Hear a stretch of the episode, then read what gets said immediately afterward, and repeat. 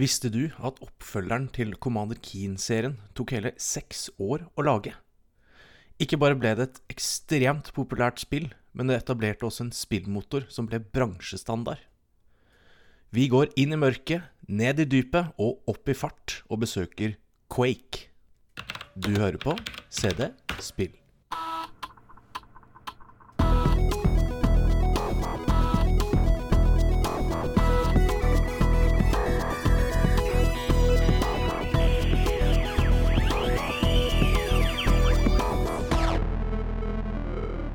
God kveld, god kveld, Sigve. Nå har vi kommet til episode 32 av CD Spill. Vi er, eh, vi er blitt ordentlig voksne. Eh, For noen episoder siden så var vi jo på en måte nye voksne. Nå er vi liksom blitt vant til det, tenker jeg. Sengetøyskift og oppvask og støvsuging mer enn én en gang i måneden og sånn. ja. Nå er vi Men 32, det er litt sånn hellig tall da, for oss uh, computer-nerds med 32-bit og alt mulig rart. Ja, det er jo eh, Jeg håper å si det er ikke binært, men det er jo sånn delbart. Sånn 32, 64, 128 osv. Ja. Vekker gode minner til RAM-oppgraderingsstigen. Så kan vi ikke bare kalle det et jubileum, siden vi er så glad i jubileumer så ofte, ofte som mulig. Vi begynner å nå oss en decent gigabyte-mengde med RAM nå, på 32. Det, Ja. la, la oss kalle det et lite RAM-jubileum. Ja. Ehm, I dag så har vi med oss uh, en gjest som uh, vi ja, eh, har jo vært med før i uh, Rise of the Tried. Det er um, Ketil Espenes som Ja, han er vel direkte fra danskebåten på i, i Skagerrak, tenker jeg, sånn som sist. Er du, er du med oss, Ketil? Det er jeg, vet du. Straight out of MS Borgen. Uh, Fyre opp uh, outrun. eh, to runder for fem kroner. Eh, helt fantastisk. Det er rart hvor fort de femkronene forsvinner, altså. Og når ukelønna er 20, så, så blir det dyrt. Dyrt, det greiene der. Trist og Ja, dyrt. Det, er gøy, det er gøy så lenge det varer. Og den der, den der eh, dilemmaet Skal du bruke den siste femkroningen til å spille på kronesautomat og kanskje vinne Mm. tre- 20 kroner, så du kan spille enda mer arkadespill, eller bruke den Mm. til bare å spille? For du kan jo òg tape den. Eh, jeg husker det var et eh, Det var hard, mange harde valg å ta på den tida. Ja, jeg, jeg husker den der eh, gamblefølelsen som, som kom på slutten der når du hadde en femkrone igjen, men uh, for min del så gikk det som med alle andre spill jeg spiller, egentlig. Jeg greide ikke å runde det. Jeg, ta, jeg tapte, og det gikk i dass. Så Ja. jeg fikk ikke kjøpt mer godteri, jeg fikk ikke spilt, spilt ny runde. Stemmer det. Det gikk ofte sånn. Uh, men én ting jeg tenker på når du sier episode 32, eh, det er jo òg tenkte veldig på 32-bit-æraen i konsoller. Eh, for det er jo at eh, du hadde jo altså alle, kjenner jo veldig godt til 8-bit-æraen og 16-bit-æraen, selvfølgelig, med Sega Mega Drive, Super Nintendo og Tur TurboGrafx eh, 16. Eh, men, 30, men når det liksom kom til 32-bit Eh, det var liksom på en måte den siste runden med den der bit-skrytinga, den der bit-war-opplegget. Ja. Eh, ja, det var vel 64. Det var vel egentlig det siste da med Nintendo. Uh, Ja. Nintendo 64. Men vi, vi, er, vi er jo egentlig religiøst imot uh, konsoller her. Men det der syns jeg egentlig er litt uh, spennende at du, du tar opp. Fordi Ja. jeg har jo en touch innom konsollverden uh, Mm. med 8-bit, for jeg hadde en eh, Nes. Og så husker jeg at jeg hadde veldig veldig lyst på en Super Nintendo en periode. Uh, det var Ja. 16-bit. Mm. Eh, og så etter hvert så gled jeg over i, eh, i dataverden. Eh, men eh, hva Altså 32-bit? For jeg, altså jeg husker jo Nintendo 64-en også. Eh, men, men hvilken konsoll var 32-bit, Det lurer jeg også på. Eh, du har eh, blant annet eh, den kjente uh, konsollen 3DO, eh, som eh, Ah. da, Det var jo når eh, multimedia skulle ta over verden med Ja, eh, full motion video og CD-rom og de. Stemmer det. Eh, Stemmer det det. var jo eh, Det var jo en episk konsoll. Så det var litt sånn 3DO var vel eh, noe som kom Altså, det kunne lisensieres ut til flere til produsenter, så du kan jo komme komme grundig i 3DO og Toshiba 3DO og ja. Så Riktig. den hadde en eh, 32 bits RISK-prosessor. Og så hadde du jo eh, eh, Så hadde du jo da selvfølgelig eh, Atari Jaguar, eh, som Ja, ja, var ja, selvfølgelig. Ja, ja. Men, men Atari Jaguar sa jo han var 64-bit, men han besto egentlig av to 32-bits CPU-er. Ja, ok, så det er litt, litt cheats. Bitte litt cheats. Ja, den var Bare trekke det litt langt, eh, de to, Ja. to chipene Tom og Jerry. Så, så det kan jo virke litt som at 32-bits-æraen ble en slags sånn overgangsæra, som er- tydeligvis er litt glemt, egentlig. Ja, Før da det- Nintendo 64 kom og, og Ja. PlayStation og, og på en måte ting løsna derfra. Mm. Ja, for det var liksom Det var jo eh, Sega Saturn var vel òg en 32-bit. eh, og Men det, det, den ble jo helt overkjørt av eh, etter hvert og selvfølgelig eh, PlayStation. Mm. Kom ut omtrent på samme tid, og kom ut et par måneder etterpå, uh, Sega Saturn. Uh, så kom jo Nintendo 64 litt etter det igjen. Så Mm. 32-bit-æraen, den er glemt. Men CD-spill episode 32, den skal gå inn i historien. Ja, det, Den blir episk. Ja. det støttes. Vi er veldig multimediafokuserte her, så jeg tror dette kommer til å bli en skikkelig slager. Ja, jeg, eh, jeg prøvde å forklare ungene mine konseptet eh, når du har geografi, og så tar du og så setter en Karta 95-CD-en inni PC-en, Ja, og så søker du opp der fakta om tigeren. Eh, altså, det, det er jo bare mind-blowing hvor uh, ja, det er jo helt Altså at så mange bind med leksikon kan få plass Ja. inne på en så tynn, liten speilplate, Ja, ja helt det er, fantastisk. det er vanskelig å begripe. Og, og, og liksom å kunne se video i et veldig lite vindu i en veldig dårlig oppløsning. Det var kjempeimponerende. Ja, altså, det bevegde seg, hadde farger og lyd. Eh, ja. Jeg, hadde, jeg hadde ikke sett noe lignende, jeg. Så for meg Nei. var det mind-blowing. Jeg husker, jeg husker når far min for første gang så jeg at jeg satt og så film på PC-en min. Da var det bare sånn Ja. What? Det, altså, hva, hva, what kind of magic is this, liksom? Ja, ja, dette- PC? det- Dette skal ikke gå an. Nei. På det fantastiske formatet video-CD. Det kunne vi Ah. hatt en egen episode om. Ja, det er, eh, det er merkelige greier, altså. Ja, men. Anyways, skal vi komme oss back on track? Vi kan jo gå og hoppe bitte litt bakover til forrige episode, hvor vi prata om um, Populus. Jeg vet ikke om vi fikk noen kommentarer på det i det hele tatt, jeg, Sigve? Vi slapp den på Eh. nasjonaldagen, så kan folk være litt mer opptatt av Sfisis og, eh, og sånn enn å, enn å høre på oss. Og, eh, og ta inn eh, utemøblene, for det regna jo hele dagen. Eh, det har eh, Det er rart, fordi eh, til og med jeg, som ikke har oppmerksomhetsspenn eller er så veldig glad i fullføre spill, spilte jo litt Populus i forbindelse med forrige episode og koste meg litt med det. Men eh, det er tydeligvis et snevert eh, spill. Kan jo hende at eh, det er fordi det er så sabla gammelt. Men vi har fått et innlegg som jeg kaller et leserinnlegg, eller kanskje et kåseri, som på en måte tar litt igjen for at ikke vi har fått så mange kommentarer.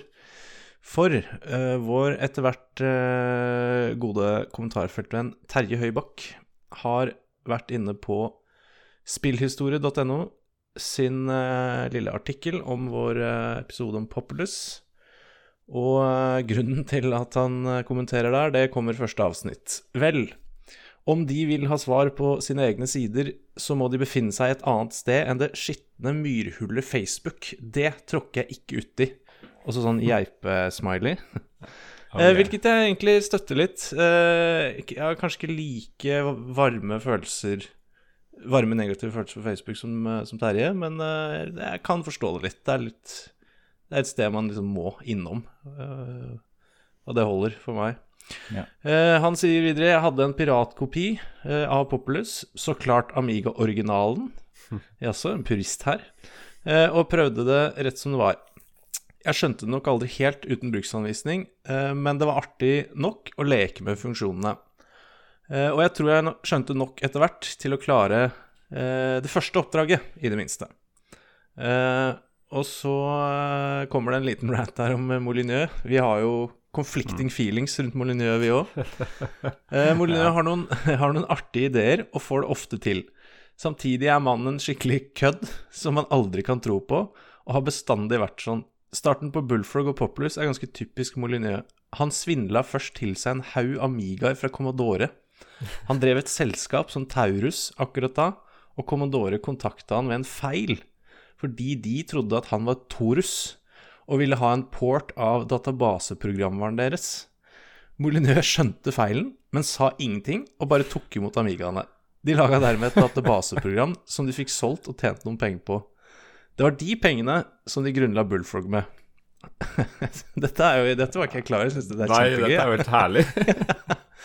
uh, og så uh, refererer han til en uttalelse som jeg ikke husker helt i detalj, fra vår side. Andre, pl andre plattformer som ikke overlevde 90-tallet. Kan man egentlig si at DOS overlevde 90-tallet? Hæ? Hæ? Og så en ny sånn geipesmiley. Ja, stemmer det. Så et lite, et lite kåseri med brodd fra Terje Høibakk der, eh, hvor jeg eh, mora meg og lærte noe nytt om eh, en fyr jeg allerede er litt ambivalent til, da. Mr. Molyneux. Eh, Og det var, eh, det var eh, engasjementet som vi skapte rundt Populus i SoMe. Jeg syns egentlig det var ganske Det var like så greit, ja. Det var morsommere med et lite kåseri enn enn et par kommentarer. Det var jo helt konge, den der historien på, der. myr, på Myrhølet Facebook. ja. Så spillhistorie.nos kommentarfelt, det er der, eh, der man får Det er gull. Der finner man gull. det er der det skjer. All right. Uh, før vi hopper til dagens spill, så tenkte jeg vi må bli enda litt mer kjent med Ketil og, og oss, da. Um, så vi tenkte å stille et litt spørsmål. Uh, hvilken spillserie trenger virkelig en oppfølger? Og her er det fritt frem å, å velge både gamle og nye spillserier. Eh, Jeg kan godt begynne, jeg. Altså, jeg tenkte litt på den der, og jeg kom ikke på noen sånne obvious uh, retrospill uh, egentlig som med det første, men ett spill jeg alltid kunne, hadde ønsket meg en oppfølger til, eh, det er Bulletstorm. Gi oss litt, gi oss litt vann på mølla her. Hva er Bulletstorm igjen? Uh, Bulletstorm er et uh, first person shooter-spill fra 2011. Uh, det er Ja, det var et veldig eh, fantastisk underholdende spill. Eh, du eh, Du, det var liksom De hadde sånn skikkelig eh, overdreven humor, eh, grov humor. Du hadde skill points for å gjøre sånn Var litt sånn Serious Sam-inspirert òg. Du hadde sånne ekstremt eh, kreative måter du kunne drepe folk på. Eh, altså spenne de opp i lufta og så skyte de mens de lå og fløy. Eh, så det var et fantastisk spill som jeg eh, anbefaler til alle som ikke har prøvd det. Eh, og det har liksom liksom kommet litt sånn under radaren, eh, det spillet der, føler jeg. Det er utvikla av et, et lite selskap som heter People Can Fly. Eh, og er et polsk selskap, faktisk. Men eh, ble jo faktisk publisert av Electronic Arts eh, for PlayStation 3, Xbox 360 og eh, selvfølgelig PC. Det, Så det, det er et kon- kongespill. Det, det tok meg noen sekunder, for jeg, jeg kjente at det begynte å knitre opp i topplokket når du sa det navnet, Bulletstorm. Eh, og nå så Ja. kom jeg på det, hvorfor jeg For jeg har ikke spilt Bulletstorm, men jeg kjenner Jeg føler jeg kjenner spillet veldig godt. Og det vet jeg, og når du da sa 2011 i tillegg Ja. For i 2011 så jobba jeg et sted som jeg ikke skal si hvor er, fordi der eh, satt jeg for det meste og uh, så på South Park på, på internett. Eh, lovlig. Og da er det jo reklame mellom, hver ene, mellom og under hver eneste episode av South Park. Mm. Og den perioden eh, hvor jeg satt og så South Park eh, på kveldstid eh, på den, eh, på den PC-en eller på den skjermen, så var det reklame for Bulletstorm før, i og etter hver eneste South Park-episode. Så jeg føler jeg har et Aha. forhold til Bulletstorm. Eh, eh, kanskje sagt det var inviterende, men så var det egentlig ganske underholdende, de der små eh, trailerne og små reklamesnuttene fra det spillet. Så jeg ble Ja. egentlig litt nysgjerrig sjøl på å kanskje ta, ta en titt på Og kanskje ender opp med å ønske meg en oppfølger, jeg òg. Hvem vet? Ja, ja. Nei, du må, du må gjøre det, altså. Det, det, de, alle de våpnene du får, og på en måte enhancementsene, de er helt sånn ma og magiske. Altså, du har sånn værende strøm eh, det er liksom der lyn som du kan skyte ut av hånda di, så liksom, og så kan du løfte folk opp med, det der, med den der energien, og så bare holde de oppe i lufta mens du skyter hodet av de, liksom. helt magisk. Ble, nå ble jeg interessert. Eh, Da Ja. vet jeg hva jeg skal sjekke ut etter, etter podkasten. jeg, eh, jeg, jeg bare lurer på Har vi hatt et litt lignende spørsmål tidligere, Mr. Mammen. Ja, vi hadde vel noe sånn eh, Hva trenger en remake, eller noe sånt. Så Ja, det er fordi- veldig, veldig samme greia, egentlig. Men jeg, ja. for, for eh, våre trofaste lyttere så vet de vel at jeg mest sannsynlig lander på en eller annen form for colonization. Men så tenkte jeg at nå skal jeg være litt gæren, og så skal jeg ta et spill som eh, Jeg risikerer jo at kanskje du også eh, tenker på samme spillet, men tenker hvorfor ikke? Jeg har lyst på Det er jo ikke en spillserie, men jeg skulle ønske det ble en spillserie med oppfølgere, og det er en oppfølger, en toer, av uh, The Movies Mm. Uh, Hva skal man kalle det? Uh, bygge Bygge admin, admin, Businessbyggesimulator, et eller ja. At du, du bygger eh, Du bygger et eh, filmstudio Mm. på Ja. 20-tallet, og må styre med bygninger og filminnspillinger og misfornøyde eh, skuespillere eh, som eh, må få både kurs og plastisk kirurgi og Ja, egentlig ganske sånn komplekst. Og entourage. ja, og entourage, ikke minst. og sånne luksus-trailers og Ja, jeg spilte en hel del hos Mr. Mammen.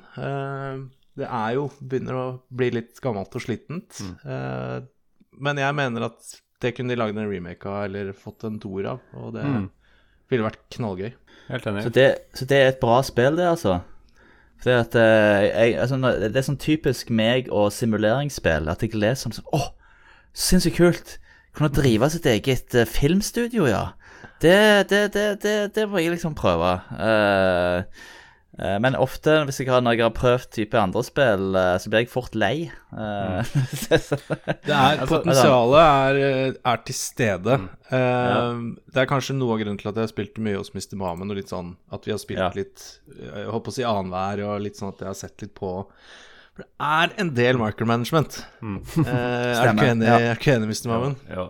Det er noen, det kunne Du, du trenger ikke å lage en én-til-én-remake av det. De kan eh, fikse litt og polish litt sånn. Men det er, det er jo som et slags Team Hospital, Team Park-konsept, med at du må bygge filmstudio, bygninger og sånne ting. Og så er det et litt sånn The Sims-element med at du må holde regissørene og skuespillerne og janitors og alt mulig fornøyd, og gi dem race og få dem forhold med andre og trene dem og alt mulig rart. Så det er et sånn hybridspill. Og så, er det jo, så går det an å være kreativ og faktisk lage filmer da, med voiceovers og sånn, men det er ikke nødvendig for å, for, for, å mestre spillet. da, Men det er blitt, ble en ganske stor community ut av det på, i 2005 når det kom, da, et par år etterpå. Ja, for Ja. akkurat det mm, er jo egentlig ganske imponerende. For det er jo, eh, som du sier, det, det har jo ikke noe Det har ikke noe effekt, egentlig, på, på skal jeg si, score eller utvikling i spillet. Men du kan jo faktisk lage eh, Altså Kall det hele filmer, da. De varer jo ikke så lenge. Men du kan lage hele filmer med forskjellig type sett, med forskjellig type kostymer, og liksom skuespillerne kan krangle eller kysse eller skyte eller Du kan liksom lage små filmer da, i spillet. Eh, som er jo egentlig ganske imponerende at jeg har fått inn det aspektet. Men eh, på en måte så er det bra det ikke tels i, totalen, fordi da hadde det blitt et helt annet spill, og veldig tedious. da er det Ja. ikke studio du manager lenger, da er, sitter du og lager filmer. Mm, ja, ok. Ja, ja. Uh, jeg syns jo uh, jeg, det, Jeg hadde en rar opplevelse med det, for jeg elsker jo Team Hospital. Jeg syns jo det er et fantastisk spill. Eh, og nå med Core6 og sånn som du kan ha på PC, så du kan kjøre det på ny maskin uh, uten problemer og sånne ting, det er jo helt uh, sjef. Og så så jeg at det var kommet et spill som heter Two Point Hospital til Nintendo Switch. Mm. Og så prøvde jeg å spille det der, men det, ble det veldig Det var kjedelig. Så vi fikk veldig god kritikk. Men jeg tror det var fordi at det, det, jeg kan ikke spille simuleringsspill på konsoll. Det var helt feil. Det er Det ble helt feil. Nei, for jeg tenker liksom That's your problem right there. Uh, Ja, ja, ja. jeg, jeg er jo ingen konsollspiller i det hele tatt, men er det en spilltype jeg i hvert fall ikke kan se for meg Mm. spille på konsoll, så er det jo eh, simulerings- og, og management-spill, hvor du skal klikke på masse forskjellige menyer og altså du trenger Mm. Ja, mye at du skal dra ut rommene og Ja, ikke ikke sant. sant? Eh, Ja, alt det greiene der. Nei, det var Nei, altså jeg, At folk spiller Minecraft på konsoll, er jo mind-blowing for meg, bare. Så, så prøv det på PC. Eh, for Mm, Ja. jeg har prøvd Two Point Hospital, og det er det nærmeste man kommer eh, Theme Hospital i moderne versjon, og jeg syns Mm. de traff, traff veldig, veldig godt. Ja, ja, ja. Ja, det blir, eh, det blir definitivt neste, neste prosjekt. For gud, jeg har ledd av Team Hospital. Det er magisk. Men, eh, Men dette Movies, eh, går det an å få tak i på GOG, kanskje? Det er visst eh, Nå har jeg ikke prøvd på mange år, men eh, det er visst vanskelig å få det på moderne Windows-versjoner. Etter Windows 7 så er det visst mm, Er det visst vanskelig å få ting til å funke, da. Det er sikkert mulig, men Så det er litt sånn der Lost in Limbo-spill, dessverre. Så du må bygge en et- PC anno Ja. Ja. Kan børste støv av noen gamle greier på loftet, så kanskje du kan kjøre det. Ja. Så, sånn XB-PC, så den tror jeg er mint for eh, Åh. XB-PC med fett monitor og uh, Ja, ja, ja. Og det Nye- Gress, gressletta som bakgrunn og ja. CRT-skjerm. Microsoft eh, Touch-tastaturet, det der Mm. mm. skeive. Ja, det med skille i midten. Ja, ja, ja. Mm. Å nei, å nei. Uff, uff a meg. Her, jeg skjønner ikke hvorfor ikke det slo han og liksom ble. Nei, det var jo ikke drit i det hele tatt å Nei, nei, nei. det, liksom. Ja, fytte grisen. Ja. Men hvilke spill ønsker du å se en oppfølger til, uh, Mr. Mammen, egentlig? Ja, jeg eh, Eller stjal jeg det nå? Nei, eh, jeg, jeg valgte å ikke ta det siden jeg tok det under remake-spørsmålet for en stund siden. Men eh, Ja. jeg prøvde å ikke Det er veldig mange av de spillene vi allerede har snakka om, da, som jeg gjerne skulle sett, sett mer av. Men for å prøve å utfordre meg selv på å finne noe vi ikke har prata om, da, så bestemte jeg meg for uh, Little Big Adventure. Som eh, Om det hadde blitt bra i dag, vet jeg ikke, men eh, eh, det, føler at det kunne godt vært en ny installasjon i den eventyr, action-eventyrspillserien der. Um, For det han, det er han lille kisen uh, i litt sånn boblete klær som du ser isometrisk. Ja, riktig. Husker jeg riktig? Ja. Med sånn tuni, tunika-ting. Ja, kaster han sånn sånn. magic ball og sånn. Og får, tar skade hver gang, i hvert fall eneren. Altså, hvis du løper, så krasjer du i noe, så mister du livet. Det gjør du jo hele tiden, selvfølgelig. Så det er ganske irriterende. Kanskje, kanskje droppe det, da, i, i Ja, det remaken. Ja. syns det, syns det kan fjernes. Så ja, jeg tror jeg går for den. Men eh, jeg må komme på at jeg, jeg er jo en eh, Det hender jo at jeg skriver litt for eh, gamer.no, og vi hadde et sånn tilsvarende spørsmål der for en eh, fem-seks år siden. Og jeg, må bare lese opp uh, svaret til uh, Jon Alle vet sikkert hvem Jon Cato Lorentzen er. Han, uh, alle skulle liksom svare på det i reaksjonen, da. og han hadde jo det beste svaret, for han er jo uh, grundig gjennomtenkt person som kan litt. Så svaret hans var ingen. Oppfølgere er publikumsfrieri. Det er åttende forsøk på å sko seg på en suksess ved å appellere til en saueflokk som velger det kjente og familiære framfor det nye og ukjente. Det er spillprosjekter som blir klarert av markedskreftene og ikke av kreative visjoner. Selger et spill nok, har vi etablert en brukerbase og vi kan lage en oppfølger, er tankegangen. Saken er at de virkelig gode spillopplevelsene, de banebrytende og spektakulære spillene som gjorde uutslettelig inntrykk på deg, sjelden noen oppfølgere. Oppfølger var et forsøk på å servere den samme retten på nytt med noen nye ingredienser, men det var første gang du spiste retten som du fortsatt husker best. Så jeg ønsker meg egentlig ikke noen oppfølgere. Jeg ønsker meg en del spill som er laget i samme ånd som eldre spill, eller personlige klassikere, som forsøker å formidle noe av det samme opplevelsen, eller spille på de samme mekanikkene, men en direkte oppfølger til noe som helst, nei takk. Så det syns jeg var sånn visdomsord fra Ja, det var visdomsord. som. Jeg skal ikke være vanskelig å komme med noen eksempler. Jeg, jeg, det er enig, jeg er enig i ånden. Eh, Mm. For det er så mye ræva oppfølgere at eh, det er viktigere at Jon Cato blir hørt, enn at Mm. alle vi som vil ha oppfølgere, blir hørt, faktisk. Heller, heller færre oppfølgere og flere nye, spennende spill. Jeg er enig med Jon Cato. Ja, han vant, sier vi da.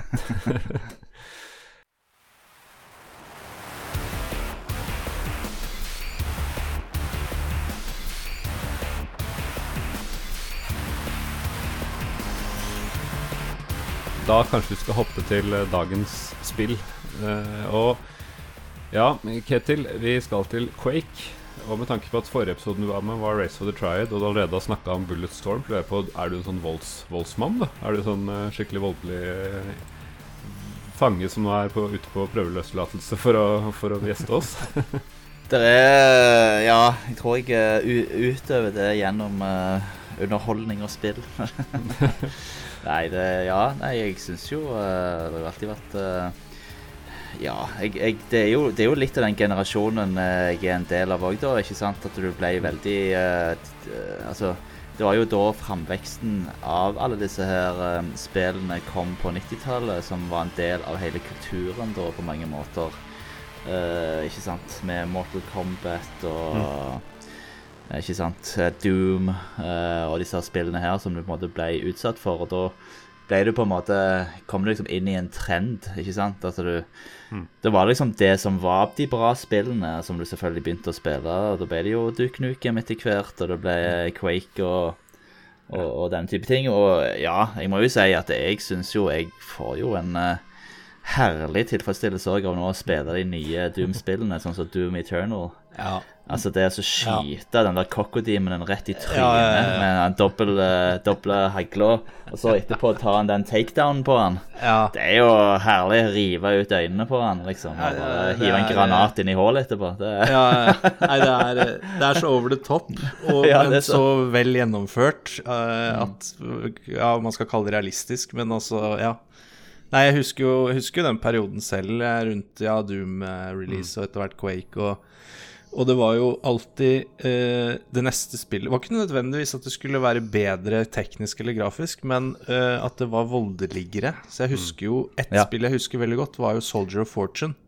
Ja, For ja, det var jo, i hvert fall i min spillverden, så var det det første FPS-en hvor du kunne skyte av lemmer. At det ikke bare var blodsprut og at folk døde, men kunne skyte av de lemmene du sikta på. Stemmer det. Så det ja. spillet var jo det, var det råeste eh, Ja. en periode. Og så gikk du lei av det, da. Så var det jo videre til neste. Ja, nei, stemmer det. det og det, det er jo litt av greia. Altså, Spilljournalistene gjorde jo òg et poeng av det. At det var liksom Det var ikke nødvendigvis at det var så bra spill ellers, men du kunne skyte av de lemmer, liksom. Det var liksom det som var greia. Så, så, så det var Det var en del av kulturen uh, i den eh, perioden òg. I spill. Uh, jeg husker jo òg et spill som hette Som var en sånn Doom, eh, Doom-klone som heter Blood. Eh, som var sånn horror-FPS, da. eh, der du skulle Ja, som òg var veldig, eh, veldig voldelig, da. Eh, og, veldig mye, selvfølgelig mye blod eh, i tittelen. Og så var det jo òg i film. var det jo samme greiene òg. eh, mye av på 80-tallet med disse her ekstreme zombiefilmene.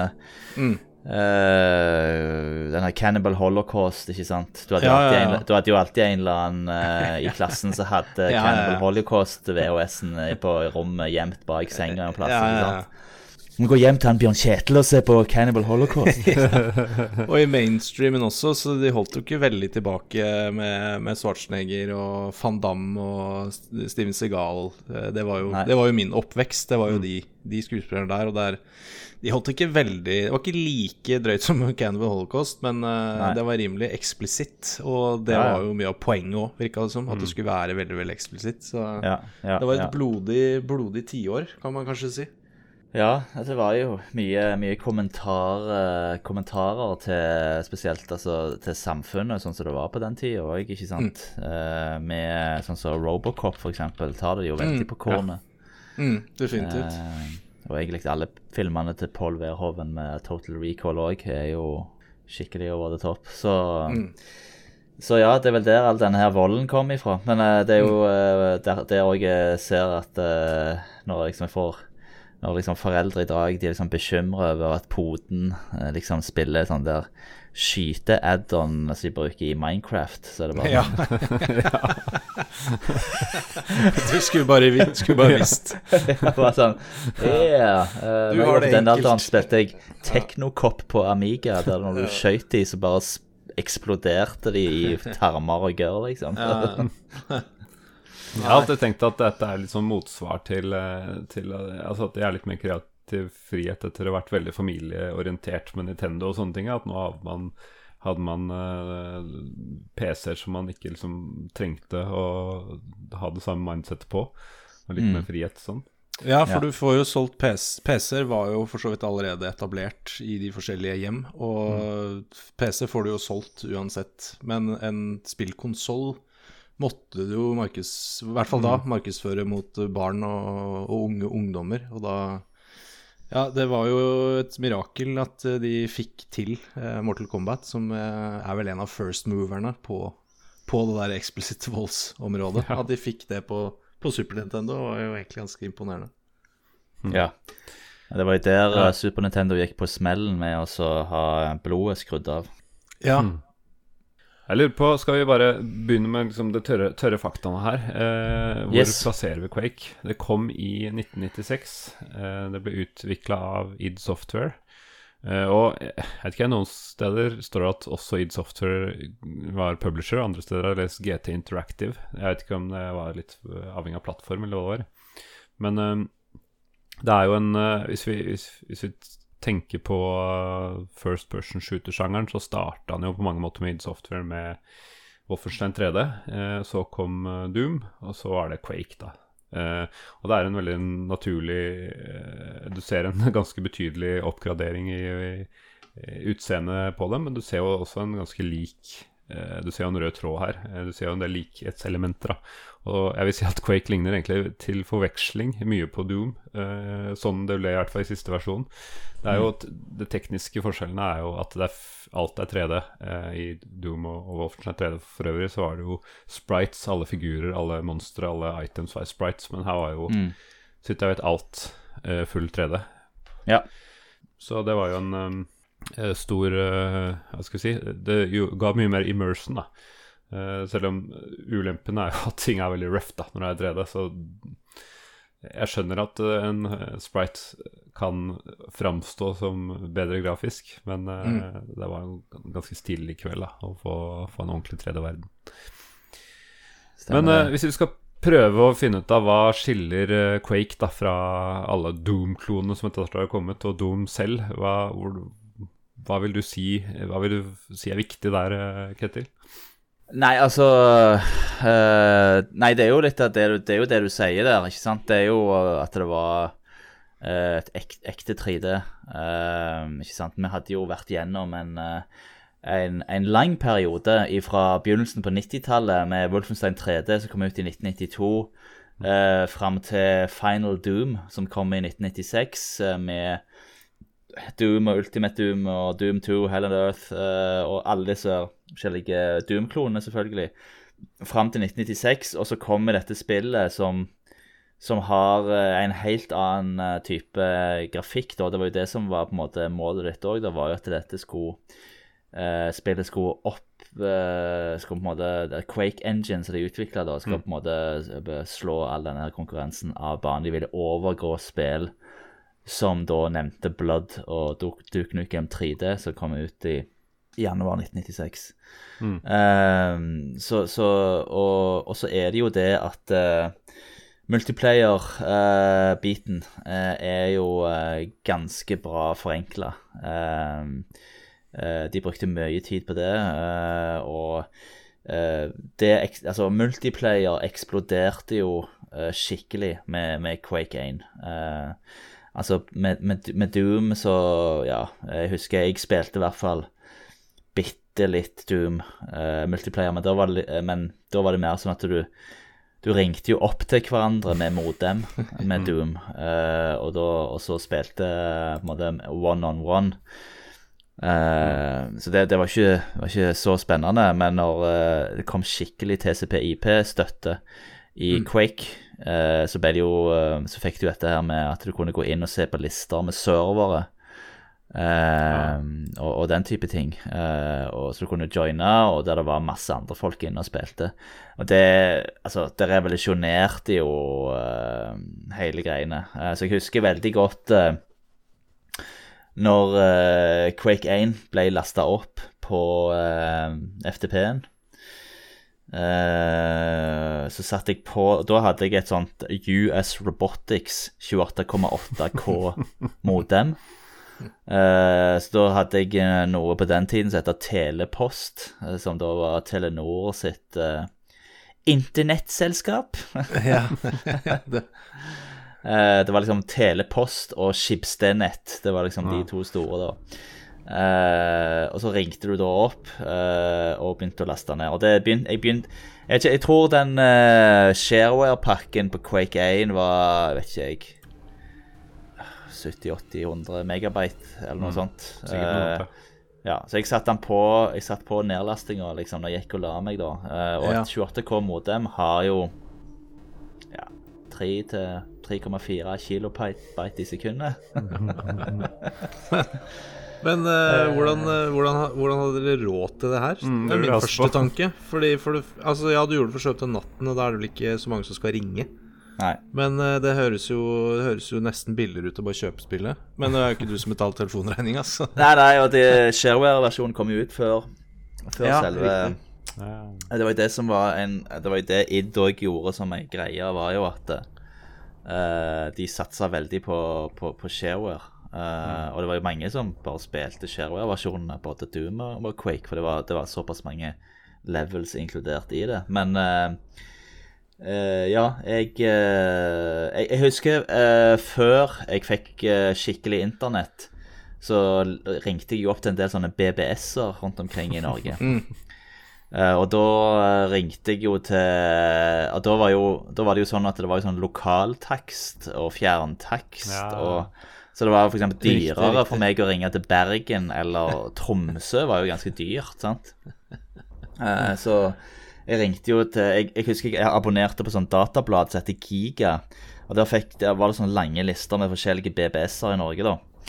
Så jeg ringte jo til masse BBS rundt omkring i hele Norge. Og ja, så da husker jeg jeg hørte et sånt brøl fra stua en dag når far der min åpna telefonregningen. Der kom det, ja.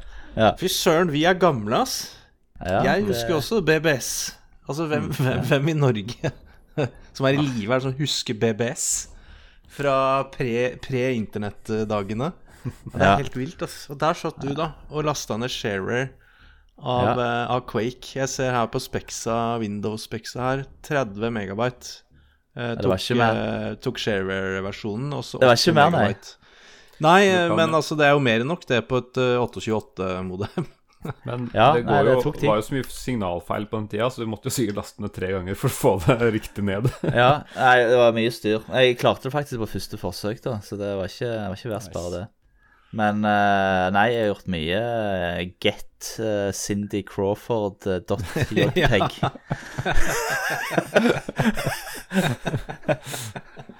Nei, det har jeg aldri, jeg har aldri gjort det. Jeg skjønner ikke. Jeg, dette er helt ny eh, informasjon for meg.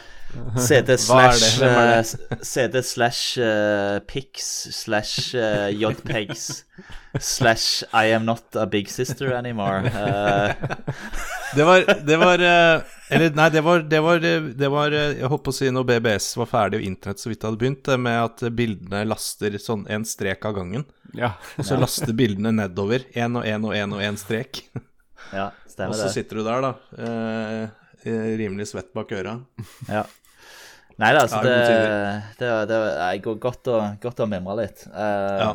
Så Nei, så det var jo Så det, det var vel egentlig det lange svaret på spørsmålet ditt. Altså eh, Quake Engine eh, og TCP-IP nettverksinterface. Det var de to store tingene som var bare sånn kvantesprang fra Doom. Eh, og som ja, bare gjorde at jeg ble, jeg ble helt sugd inn i Quake. Altså Da ble det, det var, Da var det bare Quake. Og det var Ja. nok den første gangen i livet mitt òg jeg hadde sånn uh, jeg, altså, Når jeg ser på de som spiller profesjonelt i dag med e-sport og hele den der biten der, det nå, det, da forstår jeg de, For det, dette var sånn Altså, det var kun Quake. Jeg skulle liksom bli best i Quake. ja.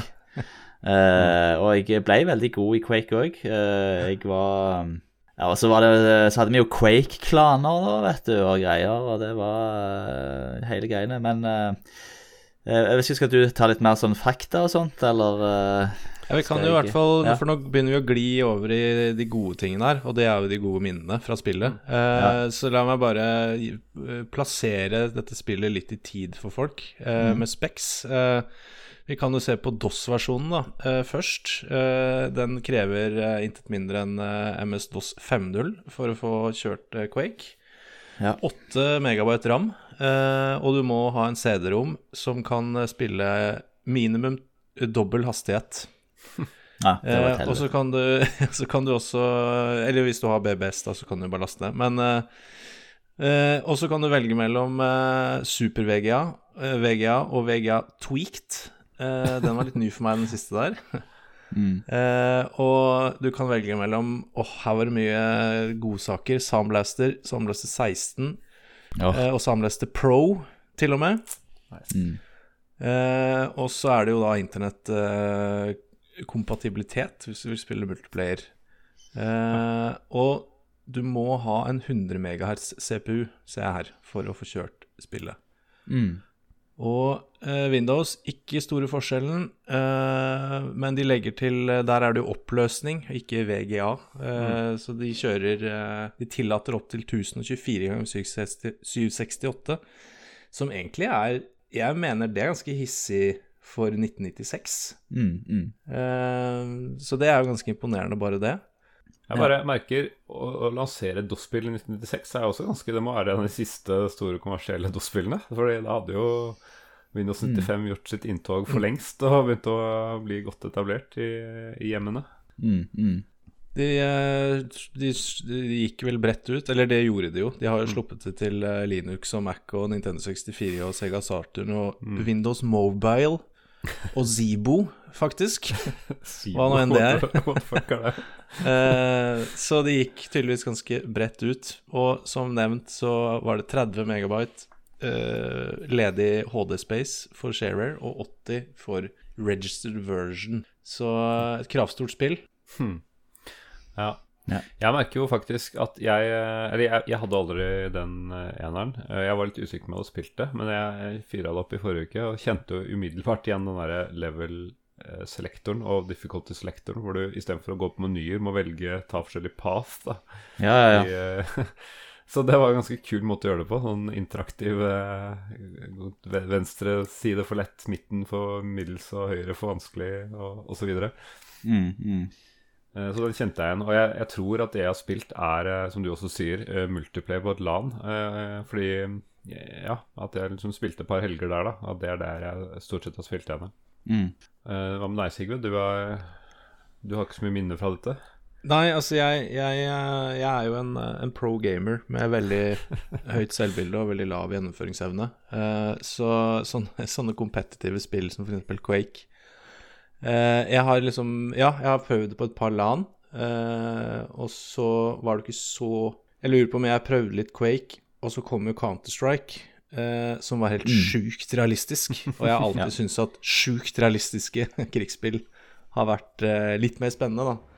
Uh, så jeg, jeg tror nok jeg kom inn litt sent på Quake-banen, kan du si. Eh, fordi så kom Counter-Strike rett etter og, og tok min oppmerksomhet en periode. Men, mm. men jeg, jeg, jeg, kjenner i kroppen at jeg har hatt noen svette multiplayer-matches på noe, på noe LAN med CRT-skjerm og, og cola på glassflaske. Det, det, det Ja. kjenner jeg i kroppen.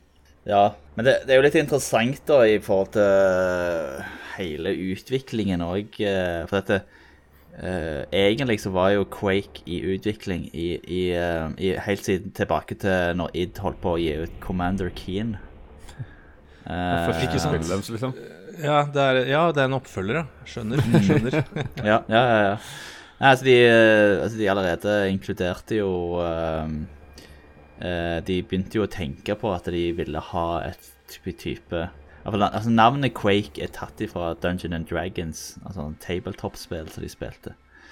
Um, og de har et uutgitt Commander Keen-spill uh, som heter The Fight for Justice, hvor de har en karakter som heter Quake som er en stor uh, Den sterkeste altså, karakteren i spillet med en sånn svær hammer.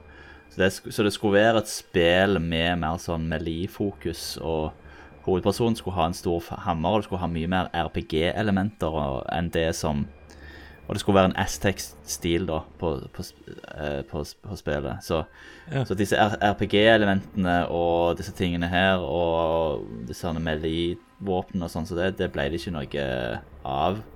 Pga. På grunn av at de eh, brukte såpass mye tid på å utvikle Quake Engine. Eh, At eh, når de først eh, Altså, de brukte ett år med å utvikle Quake Engine.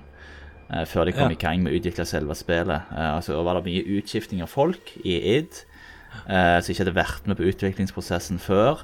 Så når motoren endelig var ferdig, så var folk såpass demotivert, så de droppte det der RPG-konseptet eh, og, eh, og satte domvåpen inn i spillet. Eh, så Ja. derfor det er en sånn der litt sånn bastard child på en måte i FBS-er. Det Og altså, John Carmack eh, sier jo at han han hadde ikke seng, altså han sov bare på gulvet på kontoret. Eh, Eh, og 22.07.1996, når han lasta opp Quake eh, på nettet, Ja. eh, så, så, så var, var det kun John Romero som var alene, alene på kontoret og lasta det opp. Han, han i hvert fall tar æren for det, at han gjorde det, men John Romero var jo egentlig mer opptatt av i selve utviklingen av Quake å holde på med eh, å lisensiere denne her Idtech eh, engine. Eh, Ja, riktig. Og holde på med andre ting enn en, enn- enn Quake. Så det var en del konflikter på den tida.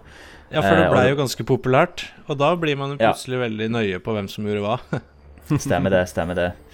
Uh, så, men altså, John Romero var absolutt med og lagde scenarioer og, og, og levels uh, og den type ting, men Romero jobbet mer med, type, med heksen, uh, Strife og Ultimate Ja. Doom. Eh, så var han òg opptatt med denne selgende Idtech-enginen da, og det var veldig mye drama og politikk eh, som oppsto under denne utviklingen, og det endte jo til slutt opp med at eh, når de eh, bestemte, altså, jeg tror det var Carmax og så skjærte gjennom at de skulle legge en Doom-våpen, for, for de måtte bare bli ferdig. Ja, få det ut. Ja, så takter Ja, ja. Romero for seg, og, eller han sier han takte for seg, de andre sier han ble sparka. Ja, okay. eh, og det var da han starta dette egne selskapet som heter Iron Storm, eh, som da ga et katastrofalt dårlig spill. Eh, det er jo morsomt eh, Morsomt å høre om eh, at det blir så mye drama og politikk. ja, for jeg bare ser ikke for meg hvis, For hvis Quake hadde tanka, så hadde kanskje ikke eh, de vært så veldig opptatt. Men det ble jo så sinnssykt populært. Og det er jo mye er Mitt inntrykk er jo det er mye på grunn av eh, Quake Engine. Altså Det er jo ikke bare spillet Quake, men det er jo de, de Ja, de starta jo en sjanger med Wolfenstein, men så starta de De videreførte sjangeren eh, noe voldsomt med Quake eh, også, egentlig. Det var jo det som var visjonen til Quake, var jo at eh, Quake eh, skulle være et like stort hopp fra Doom som Wolf 3D var til Doom. Ja, riktig. Men, men du toucher litt inn på det- Du nevner det her med RPG-elementer og en Thors hammer som ble, ble Mm. kutta ut, og sånn asteker. For det, det har jeg ikke helt fått greie Hva er liksom, hva er Lauren? Hva er, hva er egentlig verdenen her, som jeg er inni? For Doom, den er lett, den forstår jeg. Den er, den er, enkel, den er enkel, og det er den samme den dag i dag. Men hva, hva er Quake, egentlig? Jeg syns det er en trend der. Ja. Hva er det? Å, man åpner en dimensjon til eh, Ja, i, i Doom er det, er det vel til helvete. I eh, Quake er det til et eller annet annet sted. Og i ja, Half-Life er det en annen dimensjon. Det er, det er ikke så veldig kreativitet i, i akkurat den bakgrunnslåren der. Nei, det og det, men, eh, men så er det jo hvem var først. Og så tenker jeg Doom Jeg har lyst til å si Doom var først, kanskje. Eh, og Half-Life kanskje ikke først, men god damn, det er et bra spill. men hvor, hvor er vi i Quake? Det er jo en litt sånn, uh, som du sier, liksom en sånn uh, slapped together-story. Som gjerne, som du- som dere sier riktig, eh, og du kjenner igjen fra andre spill. Eh, storyen skal jo egentlig være at du er, altså protagonisten her er eh, Ranger, eh, altså den karakteren du er. Eh, som da har blitt sendt inn i en portal for å stoppe en eh, fiende som heter Quake. Kodenavn Quake. Ja, Eh, på det at eh, regjeringen Regjeringen må gå. ja Så først, først fikk vi Sovid-19, eh, og nå har vi eksperimentering med teleporteringsteknologi. Ja, Eh, og disse slipgatene som du går gjennom, da, det er på en måte de som er nøkkelen til mye av dette her. Som på en måte Der disse Quake eh, Denne her forferdelige Quake eh, eh, Kan jeg si eh, ja, Horden. liksom. Eller, Ja. Ja. Eh, har liksom send, sender sånne her dødsskvadroner til menneskenes dimensjon for å liksom teste ut hvor sterke menneskeheten klarer med å liksom utrydde Ja. de. Eh, så det, det er litt sånn Det er jo et veldig likt Doom, da, egentlig. Ja, jeg Eh, syns jeg har hørt om et annet spill som har Ja, samme, samme opplegget, bare med andre skins. Invasjon av jord og alt det der greiene der. Eh, Men det, og- men det funker jo, da. Altså, for hva, Hvorfor spiller du Doom? Hvorfor spiller du Quake? Det er jo for Ja. å skyte på ting og ha kule skytespillopplevelser, Ja, egentlig. ja, det er jo det. Eh, Og så har du jo alt dette Lovecraft-inspirerte greiene. Ja. Du har jo på en måte Ja, de har jo altså, sel, altså Selve bossen som du kommer til helt til slutt, heter jo Shub Nigorath. Det er jo, er jo en ja, Lovecraft-figur. Rett fra Lowcraft. Ja. Mm. Så har du jo The Nameless City, er jo òg et uh, ja. level. Uh, Walls of Sin. Ja. Uh, ja, så og masse sånn Kton, uh, Tsathogua og sånt greier. Ja, ja, ja. Så, eh, og så er det mye sånn sataniske greier òg inni det, da. Så det, det er jo typisk ja det må du jo ha med. Med mye, mye satanisme. Uh, Jo, jo, men har- altså ja. de, de har jo funnet en, eh, en formel som selger, og det er jo å provosere suburban moms rundt omkring i hele verden. Mm. Ja, ja. Og ja, gjør de det, så selger de jo Ja. eh, som at de greier jo ikke å kode nok for å få ut Ja. nok spill. Ja, og her i Norge var jo black metal på topp, og Stemmer det. det. stemmer det 90-tallet var jo Ja. black metal-tiåret i, i Norge og, og Skandinavia etter hvert. Det er sant. Stemmer det. Ja. Nei, men jeg syns ikke det er en dårlig eh, Egentlig ikke verken forretningsmessig eller kreativ dårlig måte å løse det på. Vi har et eh, hva skal jeg si, fett story-konsept fra Doom. Eh, la oss bare reskinne det litt, med litt sånn uh, Lovecraftian Altså, hvem syns ikke Lovecraft er dystert og spennende, liksom? Uten at man kanskje har nødvendigvis har lest så mye, men man, det er gjenkjennbart, og det er skummelt og dystert og Ja. Ja, altså litt satanisme, bare sånn for å jekke salgstallene opp litt. Jeg tenker det Det blei jo et rimelig populært spill. Det var jo ikke akkurat vanlig at det var mye historie i disse spillene. som sier. Det var jo ikke derfor man spilte dem. Det var vel kanskje Half-Life som var det første som faktisk begynte å ha en historie og en opplevelse annet Ja. enn bare å plaffe gjennom alt. Så, så det Ja. var jo sånn i tråd med, med sånn 90-tallet var, med tanke på skytespill. Stemmer det. For Half-Life er jo mer sånn at du opplever ting underveis. ikke sant? Altså, det som var mye trenden fram til da, var jo at du slippa på en eller annen historie. Men altså, du kjente jo ikke altså, Det var ikke noe utvikling av historien i selve spillet, av denne typen spill, da iallfall. Så Nei, men det er masse, masse kule elementer. i Quake er jo Nine Inch Nails og musikken og Ja, det er Trent Reznor som har stemmen til han der rangeren den og greier. Så Ja, for der, der ble litt eh, Det var en sånn morsom overraskelse. Jeg titt- titta litt på Gjorde bitte litt, bit litt research, siden jeg ikke har spilt det spillet så fryktelig mye. Eh, og så var det liksom Det er noe soundtrack her, da, tro. Eh, og så søkte litt, og så ja. Nå er det jo ikke sånn at jeg kjenner igjen de låtene og husker så fryktelig godt, men jeg kan tenke meg Eh, kanskje, kanskje noen andre her inne i podkasten kjenner, kjenner, kjenner de i, kroppen når de hører musikken. Men eh, så ser jeg jo det at, eh, som du er inne på, det er Trent Reznor som hadde stemmen til Ranger, og tydeligvis var ganske tungt inne i eh, Eller han, han meldte seg veldig på i produksjonen av spillet. For ifølge en eh, kommentar på YouTube eh, eh, som jeg har valgt å ta for, for god fisk, så hadde de egentlig ikke noen planer om noe soundtrack i det hele tatt. Og det kan jo kanskje stemme når vi hører hvordan, hvor mye tid de brukte på, på selve spillmotoren. Eh, men eh, det var ikke greit da for Trent Reznor, som eh, er eh, en slags hovedmann, hovedvokalist i, eh, i eh, det industrielle metal-bandet Nine Inch Nails, som er litt, toucher litt innom sjanger jeg liker å høre på. Så jeg ble litt nysgjerrig. Han greide ikke å holde fingra av fatet, så han bare lagde et soundtrack, han. Som i hvert fall det jeg fant på YouTube. eh, Quake 1-soundtrack. Var på rolige 1 time og 50 minutter. Med forskjellige låter, forskjellige stemninger, forskjellig Og alt i veldig sånn Nine Inch Nails, dyster og fin stil, da. Så, Ja. så det var bare en litt sånn, litt sånn fun fact som bare dukka opp der. Eh, når eh, Det er soundtrack, og det er ikke hvem som helst som har lagd det soundtracket. Ja, stemmer det. Nei, så det, det er ei kule greie. Men eh, det var jo Men selvfølgelig, når, når jeg begynte å spille multiplayer eh, skikkelig alvorlig, så var det jo ikke så mye Så er det ikke så mye musikken på da. Nei, Men eh, Men det virker som uh, han godeste Trent har tatt litt hensyn til, for når jeg hørte litt gjennom soundtracket, så mm, Jeg fant vel en eller to låter som var låter, mens mesteparten av det andre var mer sånn stemninger. Ikke så mye ja, musikk som du liksom kan sitte og lytte til, kanskje. ja. Så de har jo Han har jo Jeg føler han har liksom greid å plukke stemninga veldig da i spillet. Mm, Og bare lage låter som bare liksom ligger litt sånn i bakgrunnen og skaper litt den der gufne, gufne stemninga. Og ikke Mm. tar oppmerksomheten fra de som spiller eh, competitive. For det er jo diametralt motsatt av Doom, som, eh, som gikk i en helt annen retning. At der skulle man være veldig voldsom, eh, voldsom eh, metal eh, som eh, musikk. mm, mm.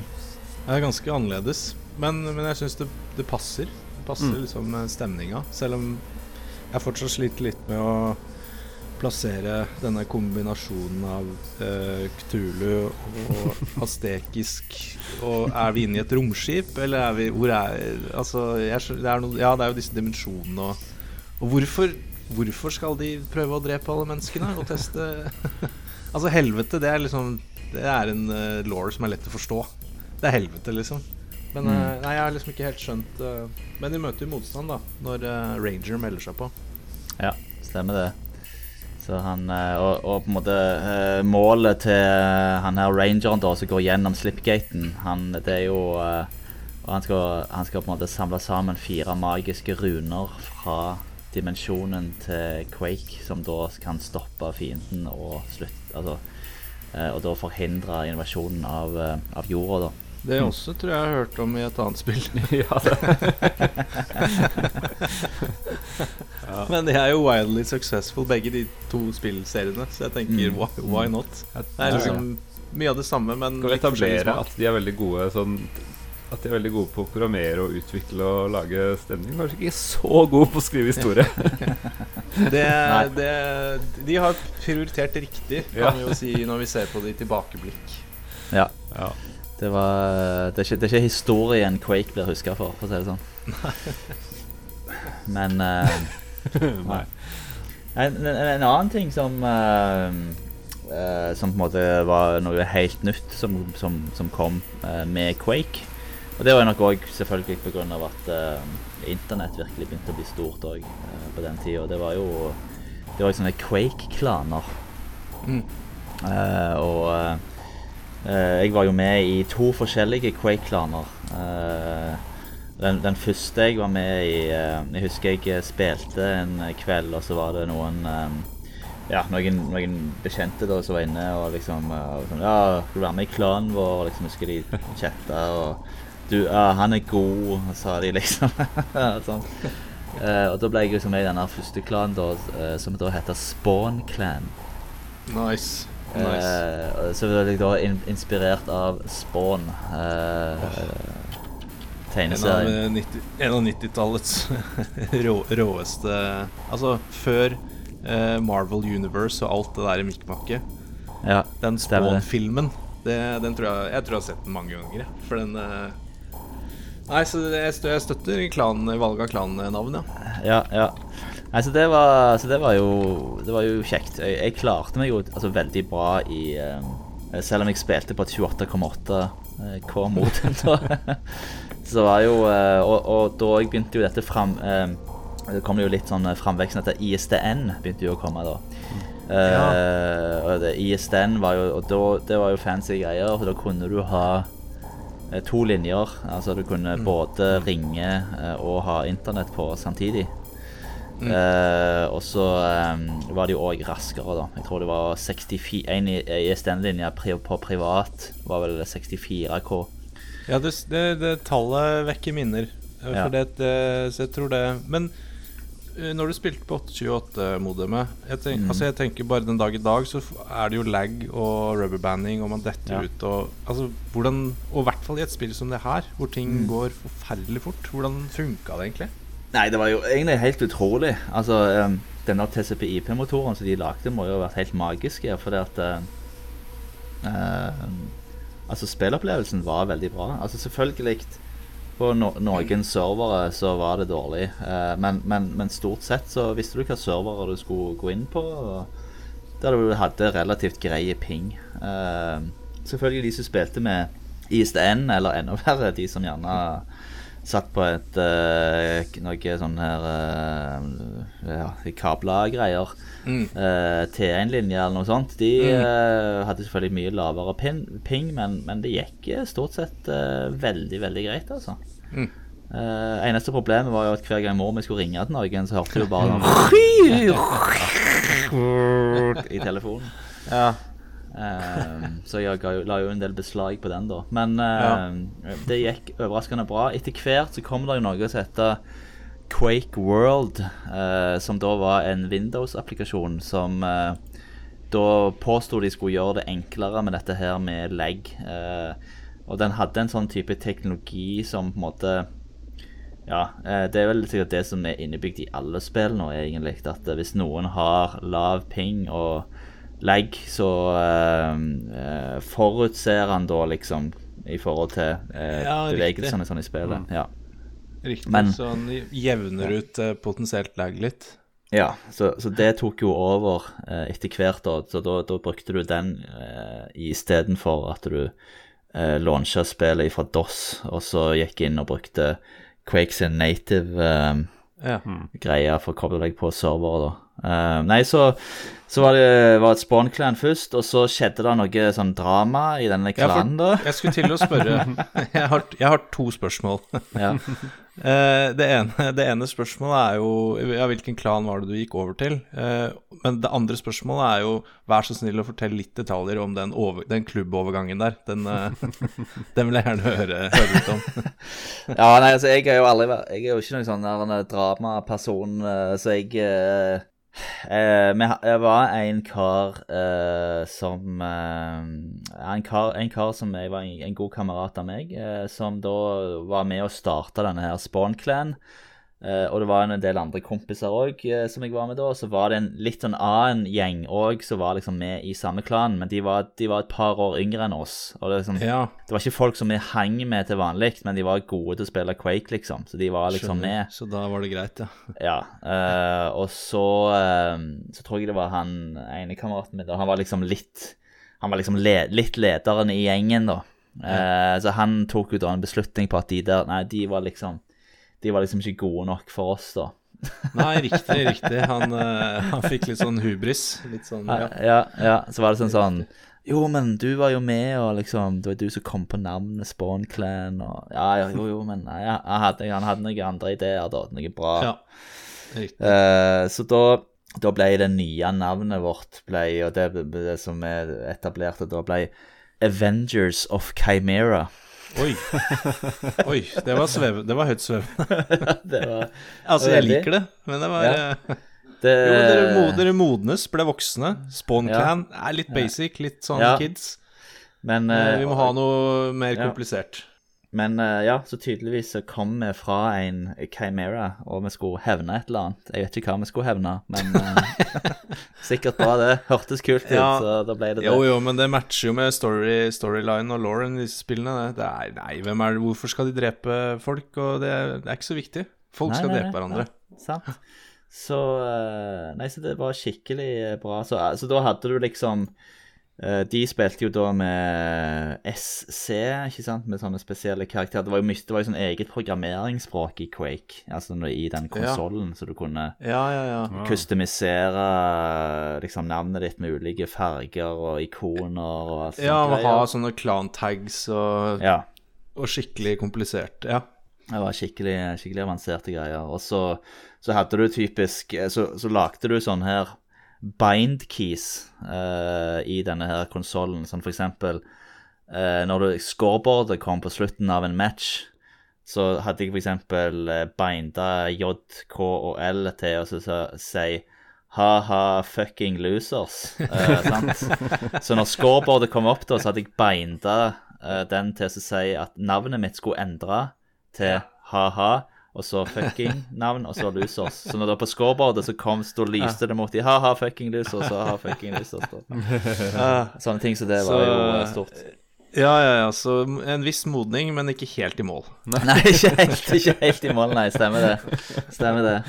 Så eh, Og jeg husker jo når vi var på Ja, så var det jo sånn som dere var inne på mye, mye spilling på LAN. Og så var det jo sånne her Den store tingen eh, var jo klanmatcher.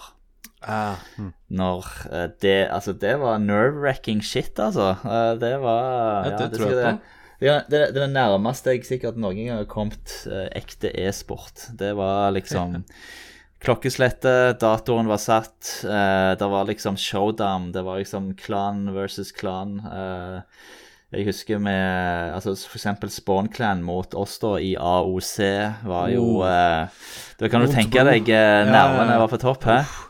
Men, eh, men var du på Var du på eh, var, Satt dere hjemme og hadde LAN i, med klanen, eller var dette på liksom Var det TG eller altså et eller annet? Nei, vi hadde Nei, når vi hadde sånne her eh, klanmatcher, da spilte jeg eh, hjemme.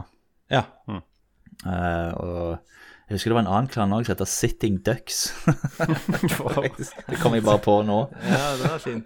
Uh, og så husker jeg det var Ja, så var det jo mange Men vi var på, vi var på Jeg var jo på TG i uh, 1997. Ja. Eh, og der var det òg Så der var det jo, gikk det jo stort sett bare i Quake-spilling når jeg var der. Eh, jeg var med i forskjellige sånne her eh, ja, matcher og turneringer der, og så var det jo eh, ja, så, så var det jo LAN, da, som dere nevnte òg. og vi var jo fortsatt venner med disse Spawn-klan-folka, så det var jeg tenkte sånn i dag, Hvis jeg skulle lagd uh, en sånn dokumentar om den tida der, så hadde jeg gjort litt sånn i sånn type Guy Ritchie-stil, à la sånn Snatch og Lockstock, Two Smoking Barrels. For det, alle de folka som var med, hadde jo sånn egen persongalleri. Alle hadde sånn helt sånn unike greier, sin unike quirk, liksom. Det kan jeg se for For meg. at liksom en som spiste altfor mye ostepop og spruta det på skjermen når noen drepte han. Altså, Ja, og det er en som levde hele landet bare på makaroni og ketsjup. Altså, Altså, jeg sier kjære venner, men uh, jeg har vært på LAN sjøl, så uh, ja, de, de er der. Og jeg, jeg skal ikke sitte på noe høyhvit hest, jeg heller, hvis jeg ser tilbake på kostholdet jeg har hatt på forskjellige lands i kjellere og, og i Vikingskipet, eh, for så vidt. Mm. ja. Nei, så det var en fantastisk, fantastisk kjekk tid, altså. Ta med seg den tjukke, svære monitoren og Ja. 200 MMX-en under armene. Og gå bort til, til landet. og, og visste at du skulle være der hele helga. Så jeg sier det at det var, det var nerdinger som eh, hadde meg før alkoholen tok meg, så ja. Nice.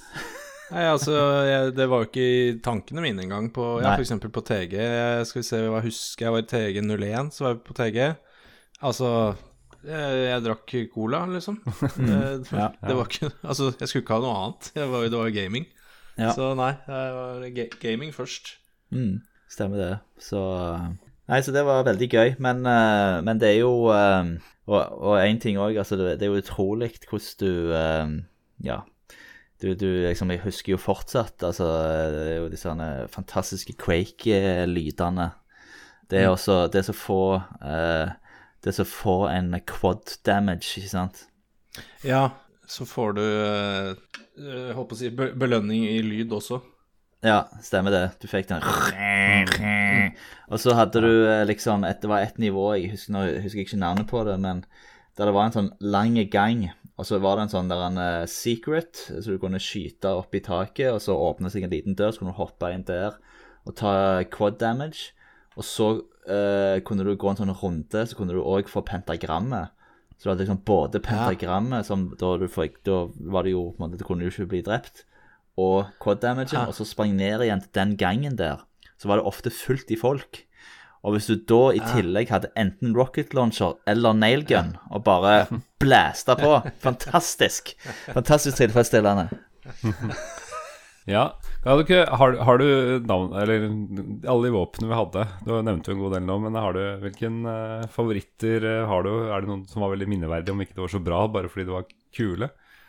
Altså, hvis jeg skal si ulike kategorier, altså mest, mest tilfredsstillende er jo rocket launcheren. Altså, eh, uten tvil. Altså, få rocket launcheren og gjøre sånn skikkelig treff. Uh, mest uh, morsomme må jo være altså, granatkasteren. Eh, altså den, for når du først skjøt, når du skjøt ut granater, så spratt de rundt, og så lagde de sånne en veldig sånn distinkt sånn sprettelyd. Sånn ding, ding, ding, ding, ding, ding. Og fordi de ofte satt de seg litt sånn fast inni hjørner, og så hang de inni der bare dring. Uh, så det der var jo fantastisk. Det som var veldig gøy, det var å alltid, når du kom gjennom en slipgate Det var jo så å eh, skyte masse granater på selve slipgaten. Så når det kom en dum idiot der som står der, ikke sant? og så plutselig så ser du bare at de ser ned, og så er det liksom fem granater der, og så er det bare Så kommer den denne gib-lyden. Det er herlig. Men spiller du det noe den dag i dag? Nei, altså, jeg, eh, jeg gjør ikke det nå, altså. Jeg, eh, jeg hadde en retur, eh, som jeg nevnte før opptaket starta, til, til Quake Live når det kom, Ja. eh, og, og spilte det. Men det var jo litt sånn nedtur, for jeg var jo langt ifra så god som jeg var på den tida. Ja, ja. Eh, med sp- eh, eh, så Ja, for det er ikke noe, det er ikke noe casual-spill, det her. I hvert fall hvis du går online. Nei. Nei, for det var jo, det var jo litt der òg, sånn som dere var inne på. ikke sant? Det var jo eh, Og det skjedde jo i kompisgjengen òg, med dette med Quake og Klan og alt det der. Det forsvant jo litt etter hvert når Quake 2 kom, som for så vidt ikke hadde noen uh, connection til Quake 1. Det var litt mer sånn første futuristisk spill. Ja. Um, og og, um, og så, så da, da forsvant jo alt dette med Klan og alt det der greiene der, og så var det jo Counter-Strike som egentlig tok over. Ja. Ja, for jeg har, eh, jeg har en kompis som uh, vi, vi eh, på å si, Vi deler egentlig ikke gaming noe særlig. Vi eh, Nei. drikker øl og lager mat sammen og gjør, gjør sånne voksenting. ja. Eh, men han har en gaming-PC stående hjemme, og han spiller ett spill, og kun ett spill, og det er Quake. eh, Ja. Og det er ranka online, liksom. Mm, mm. Det er liksom hans eh, Og jeg er jo ikke noen Quake-spiller, så jeg har egentlig ikke så mye å bidra til Nei. med han. Men så har jeg bare skjønt at den dag i dag, da, så sitter han sitter og, og spiller ranka online eh, Quake. Mm, mm. Så det er tydeligvis eh, et, et miljø for det, men uh, blir jo ikke jeg, jeg tenker kanskje både for, for deg og meg, det blir ikke helt det samme uten CRT-skjerm, uten Coca-Cola og, og sånne LAN i kjelleren til moderen. Ja, stemmer det. Og, og jeg glemte jo å nevne og, ehm, noe ekstremt viktig. Det var jo alle disse her fantastiske moddene som ble lagd til Quake. Ja. Uh, blant annet eh, med Altså, det som tok helt av på LAN, det var jo Capture the Flag ja. eh, i, i Quake. Jeg har jo aldri hatt det så gøy, tror jeg, med et spill noensinne. Det var jo helt. Altså, aldri vært så gira. Den ostepopen ifra han andre der, det sto jo som en sånn der han eh, ja det, det lå, sprøyta, det lå, vet du. det lå ostepop i, i lufta, liksom. Ja. Ja, det var sånn du pusta ostepop. Ja. Så eh, det, det var helt fantastisk. Og så ingenting som slo det der. Når du liksom har vært eh, altså døgna selvfølgelig fra fredag til lørdag, og du holder på å døgne fra lørdag til søndag, og så kjører du da modden Fartman. Ja. Uh, som da var at du, skal, du, du kunne fise deg opp i lufta. Altså, jeg tror jeg, jeg aldri har ledd så mye heller i mitt liv av noe så Nei. Det er the perfect storm, da. Når, som Ja, du sier, du har døgna fra fredag, så litt ut på søndagen, ikke noe tidligere. Da, da kan du loade Fartman-moden. Er, er du sikkert ikke overtrøtt, liksom. Men apropos uh, Fartman, Uh, Ja. du, du toucha så vidt innom det, at det, det kom en toer som ikke hadde noe med altså, har det kommet noe Hvordan er det med oppfølgere til Quake, egentlig? Ja, eh, nei, det er jo som du sier, det var jo eh, Quake 2 eh, som kom, og det, det, var jo sykt mye hype eh, rundt det. Altså, det, det liksom kom, kom Husker de alle de screenshotene som eh, verserte med, med Quake 2, liksom? Det var jo Ja. Men eh, Nei, altså, det var jo et eh, helt greit FPS. Uh, Intet mer eller mindre, syns jo jeg, da. Ja, for det Eh, døde, døde det litt ut, egentlig, etter eh, Quake 1? Husker veldig godt det er Quake 3 Arena, som var utelukkende multiplayer, eh, tror jeg. Men det spilte jeg faktisk en god del, som er litt pussig. Eh, Men om jeg spilte det online eller med, For du kunne vel spille med AI-bots og sånn også, tror jeg. Jeg tror jeg har spilt begge deler. Ja. Men det syns jeg faktisk var ganske gøy. Men um, etter det har jeg ikke fulgt med i det hele tatt. Men det var vel ikke det siste spillet, det heller. Nei, så kom jo Quake 3 Arena, og det var jo multiplayer only. Uh, og så Det var jo veldig bra. Da, da kom husker jeg, da kom vi litt tilbake igjen, men det var liksom aldri helt sånn som det var med, med, med Quake 1, selvfølgelig. Eh, og så har du jo da Quake 4, uh, som er mer sånn military, science fiction, FPS. Uh, Ja. Eh, ja. Eh, det er jo da utvikla av Raven eh, og publisert av Activision. Mm. Så um, jeg, det, jeg, det har, jeg, har ikke spilt det. Så Nei, ikke jeg jeg kan ikke uttale meg om det. Nei, det dette er en, det er en episode om Quake 1, dette her, så, Ja. så det, det, det, pass, det passer Mm. egentlig bra, det, at ikke det var noe mer spennende etter, etter Quake 1. Skal vi høre om eh, noen av de lytterne våre som har kommentert på i sosiale medier, har, noe, har spilt Quake 1? Det syns jeg vi skal gjøre. Um, og det har vært uh, litt eh, innspill her uh, på Twitter. Så kommenterer uh, Gøran Solbakken, som har vært gjest, hvis Ja. ikke jeg husker feil, hos oss. Stemmer det. Han kommenterer Vi var en gjeng som spilte multiplayer Quake hver eneste IT-time på videregående. Beste faget jeg noen gang har hatt. Ja, den eh, det, det støttes.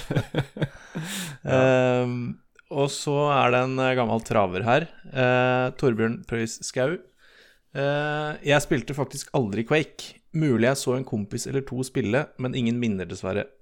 Jeg kjenner imidlertid til et annet blodig middelaldermagispill jeg spilte en del noen år tidligere. jeg, da, jeg tenker da er det to spill som er kandidaten her. Det er bare én Eh, kandidat fra Mr. Moonstone. ja, så, men jeg tror det er den sterkeste kandidaten.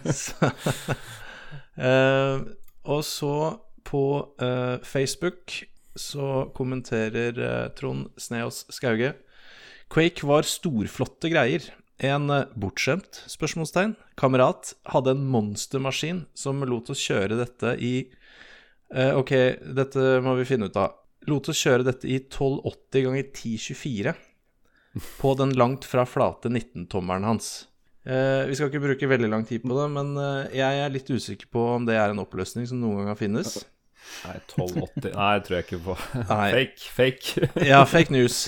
Men, eh, men eh, vi har jo sett en del eh, pikselerte videoer i oppveksten som vi syns var helt sinnssykt rå, så det kan jo hende når man var en liten kid, så ble 768, er det vel, til 1024. Eh, han sier videre litt av en opplevelse i 96-97, eller når det nå var vi fikk tak i dette. Sy- synd, synd man ikke kunne spille mer enn et lite kvarter før sjøsyken meldte seg, sier Aha, Trond ja. Sneås Skauge. Jeg, det eh, kan jeg forstå på en 19-tommer på den tida. Ja, stemmer. Nei, men uh, jeg kan se at du blir sjøsyk av eh, Jeg blir, jeg blir litt sjøsyk av VR uh, enkelte Ja. ganger når jeg spiller Jeg prøvde å spille en sånn her en uh, brawler uh, fightespill i VR. Uh, sånn at du skal kunne, du skal kunne gå og bevege deg. Ja. Eh, da, da ble jeg faktisk sjøsyk, men jeg har aldri blitt sjøsyk av et FPS-spill. Nei. Nei. jeg, jeg, ikke jeg heller, men jeg har uh, hatt den samme opplevelsen med VR, uh, Ja. som var utrolig skuffende. Jeg var uh, hos en kompis det er ikke lenge siden, ett år, to år siden, og han hadde fått seg fullt VR-oppsett, og jeg bare Kult, det her skal jeg prøve, da. Ja. Og inn på sånn På liksom, holdt på å si, det spillet som følger med headsettet, Ja. hvor du skal skyte på noen bokser og kan velge litt våpen og. Jeg blei så bilsjuk. Altså, jeg blei så bilsjuk at jeg ble bare sittende litt sånn der tafatt i sofaen resten av ettermiddagen. Det, det er sånn Så det- alderstegn, det òg. Liksom, du Ja, setter, det må var, sette deg ned på sofaen og puste dypt og drikke vann, liksom. For det er så sterke farger og intense bevegelser. Nei, fy søren. Ja. Nei, så det var, det var tilbakemeldingene på sosiale medier. Eh, og da nærmer vi oss jo uh, slutten her, og da må vi jo stille spørsmålet som vi alltid stiller, uh, til uh, gjesten først, kanskje. Og det er jo Har Quake eh, 1 holdt seg? Ja, det, ja, si det. Jeg skulle gjerne tatt det opp og testa det, da. Men jeg tenker at jeg, jeg tenker at det vil, eh, jeg vil være fullt uh, spillbart i dag. Eh, men at du vil uh, definitivt kjenne på en del ting som du er vant med i eh, dagens FPS-er. Som, eh, ja. som liksom Ok, her, her, her mangler det noe, da. Eh, men men eh, men altså, Quake var jo Det var som sagt, det var et kvantesprang fra Doom. Du kan eh, Du har mouse-look. Du kan eh, eh, det, er, det, det er full 3D, liksom. Men, eh, men, men du kommer jo til å oppleve at level og design og sånn, så det er ikke er helt opp til par, sånn som du er vant med i dag. Det er grått og trist og, Ja. uh, og, og, og pikselert. Men, men det, har sin, det har fortsatt sin sjarm. Uh, og de som ikke har prøvd det, men jeg syns absolutt skal prikk, plukke det opp. En ting som jeg glemte å nevne, er jo at det kom jo en heftig eh, 3D-akselereringsversjon av Quake som heter Op, gjennom OpenGL. Ja. ja. Uh, GL Quake, og det var jo Og Først det kom, så var jo det òg en revolusjon. Uh, jeg husker vi satt, jeg satt hos en kamerat som før han fikk 3DFX-kortet, hadde lasta ned GL-Quake. Så satt vi og så på en sånn der lavaball uh, på det der eh, level-valggreiene i, i begynnelsen. Den der lavaballen som liksom kommer opp med sånn én Ja, ja. frame i sekundet. Å, salan, se på den lavaballen! uh, Tre-fire stykker rundt skjermen der. Det var jo uh, magisk i seg sjøl. en annen ting som jeg glemte å nevne når det gjaldt disse våpnene, da, som selvfølgelig må være med, det er jo det fantastiske konseptet telefragging. Oi. Ja. Uh, telefragging er jo da hvis du står på en destinasjonspad, altså sånn slipgate, Ja. og så er det en annen som går igjennom, så telefregger han deg. Det betyr at du basically eksploderer, går i oppløsning. Riktig. Det er alltid like gøy å drepe folk på den måten. Jeg tolker, eh, jeg tolker det svaret ditt, Ketil, som at eh, ja, det har holdt seg. Ja, det har det. Det tror jeg. Og kanskje hvis man flesker opp Galequake. Eh, mm -hmm. Spesielt. så Det har det holdt seg. Ble litt nostalgisk når jeg så den 3DFX-logoen når jeg starta det opp her. Uh, og jeg også syns at det er uh, Ja, det fins jo 340 milliarder uh, FS-spillere som har kommet etterpå, så det er klart at eh, det, er, det er mye som er bedre i dag. Men det er helt spillbart, eh, vil jeg, vil jeg si. Ja. Så ja, det har holdt seg. Vi tar det for det det er. Mm. Og Sigve, har du noen eh, final verdicts på det? Eller skal du være litt vanlig ambivalent? Jeg lurer på om jeg skal være ambivalent. Nei, altså, vet du hva, jeg skal ikke være ambivalent. Jeg skal være helt ærlig. Jeg har spilt det så lite eh, at jeg vil, jeg vil avstå fra å stemme. Mm. For jeg, jeg vet faktisk ikke om eh, jeg ville synes det var eh, like knallgøy i dag, siden jeg har spilt så lite. Mm. Så jeg, jeg avstår fra å stemme. Fair enough. Eh, vi kan jo bare tease litt som vi gjør om neste spill, og da tenkte vi vi skulle til eh, helt annen sjanger. SimCity. Og Ja, vi må ikke minst. Ja, vi må etter denne episoden her, eh, så må vi ta det helt, helt ned, kjenner jeg. Eh, jeg har aldri vært noen stor FP-spiller, fordi det går for så fort. ja. Så jeg trenger å stresse ned og bli litt mer casual, og eh, da syns jeg vi skal eh, dykke inn i SimCity neste gang. Mm. Fantastisk valg. Ja, har du, kjenner du til det, Ketil? Ja, altså, jeg har jo spilt mye originale SimCity uh, på Amiga. Uh, og eh, ja, SimCity 2000. eh, og til og med òg uh, utforska SimCopter. Ja. Det må vi så vidt gjøre notiser, tror jeg, i neste episode. Der kunne du jo importere SimCity 2000-byer. Stemmer. Det fungerte med varierende hell. da. ja. Ja.